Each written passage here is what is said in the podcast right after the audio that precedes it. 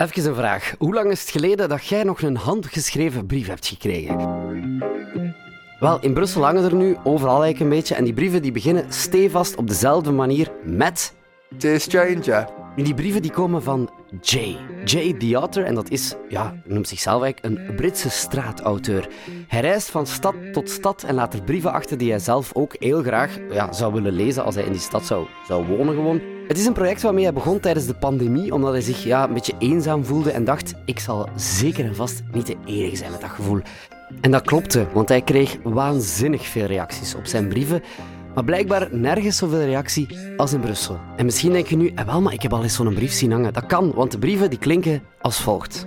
Hi, my name is Jay. I'm a traveller wandering from city to city, country to country, writing little letters to the people of the place to let them know they are not the only ones who feel like a stranger. Now I'm in Bruz, I'm speaking to you.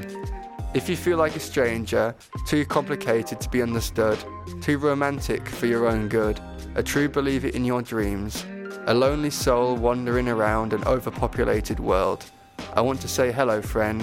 There's more of your people out here. There's one behind this letter, a stranger. Oh, And then, yeah. wow, it's beautiful. Yeah, oh. well done, well done, Jay. maybe just quickly um, talk a bit about how you work, because you have 10 different letters, or is it every time another letter? Because you went to a lot of European cities already where you post your letters. How many do you write every time a new letter? How does it work? Um, so I started my letters in Australia, and these are completely different. I focused my letters on the people of the street, the homeless people, and um, I was nearly in a bad way in Australia during the pandemic, and I befriended a lot of the homeless people. They became friends with them, Oh yeah. and they'd tell me all their stories, and they were really wise. They had so much wisdom. So I decided to write their wise stories and post them on the street where they lit, like where they sleep or where they collect money. And then people would read their stories on the street, and then they would associate the story to the person, and they would help the person. Mm-hmm. And it, that's kind of how my Dear Strangers really kind of started. And then I went to New York and I focused on dreams because everyone comes to New York to chase their dream. So Mhm. I, I wrote letters to kind of make people not give up on their dreams and remind them why they came there. And that was really special. And when I come to Brussels, I focus on loneliness because I know the sky's pretty grey quite a lot of the time. And Yeah, British weather. I mean, I mean, you know what it is. yeah, I feel. Yeah, I think the British and the Belgians feel the same vibe. And, yeah, they do for sure. Yeah, about the weather. Yeah, and so I focused on loneliness, um, and yeah, and I kind of, I've kind of been honing honing in on making people feel less alone because I also know it's a city of strangers. People always coming into Brussels from very far away places, so many different languages, so many like diff- you, yeah. yeah. And um, I just channel a bit of that loneliness into these letters and make people feel less alone, and and I guess that's my my Mhm. theme of Brussels. But every every letter, I've got fifteen individual letters for for Brussels, and so you, you've written 15 letters by yeah, hand. Yeah, yeah, yeah. Like I said, I used to write them all by hand, but my hand started hurting like hell. So I started to photocopy them, and basically, I I target a district, and I print um, like ten photocopies of each individual letter, and I sort them into packs. So one district will have a, a pack of fifteen letters. Okay, yeah, So- yeah. so So, no- ah, okay, okay. Yeah. So now you have 15 different letters that you will post in Ixelles. Yeah, fifteen letters in Ex- Ixelles. Yeah. Oh wow, okay.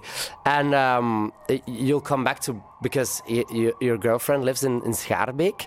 Yeah. Um, for sure, you'll come back to Brussels. I imagine. I hope so for you. Hell yeah. Um, um, so, will you bring letters back, or what is the plan then?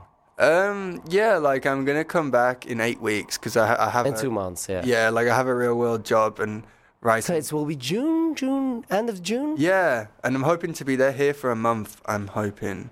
Okay, So I'm can- hoping with you. Yeah, and I can write a lot of letters. Yeah. And ah, I- so the plan is to like write letters again. yeah, and also meet meet some people from the letters because I, I like to meet people through my letters, but because I'm here for such a short time and I'm I'm with my girlfriend, I don't really have time to meet anyone. So by having a lot more time, I can really make new letters by meeting the people from who read my letters. Because a lot of people respond to me asking to meet, and um, I feel so bad saying no. So I can finally say yes, and these will create new letters, new stories. Ah, so you can finally say, if I, for instance, find your letter and I can I say I want to meet the writer, then now you can you can meet me and then you can write down a story. Yeah, it's go, it's, you know, go for a coffee, go for a chill, go for a walk, and maybe you've got something to say that's really wise or really interesting, and it'll be a great letter. But I don't have a map, and I should. Ma- I need to find a way to create a digital map yeah, you should. Yeah. Because the problem with posting the letters also, I mean, they don't last very long. So I could post one letter and it'll last like an hour, or I could post another letter, it'll last a month. I don't know which ones last, which ones won't. Yeah, yeah, uh, yeah, yeah. Voila.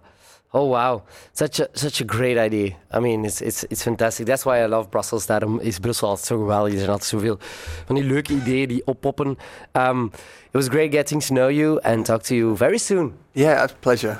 Het volledige verhaal van Jay kan je checken op onze website brus.be. Hopelijk vond je het leuk en volg even Jay the Otter op Instagram. En laat je verwonderen door de prachtige brieven die Jay neerpent. Dit was trouwens een podcast van Brus. Hopelijk vond je het leuk. Al onze andere podcasts vind je op brus.be slash podcast.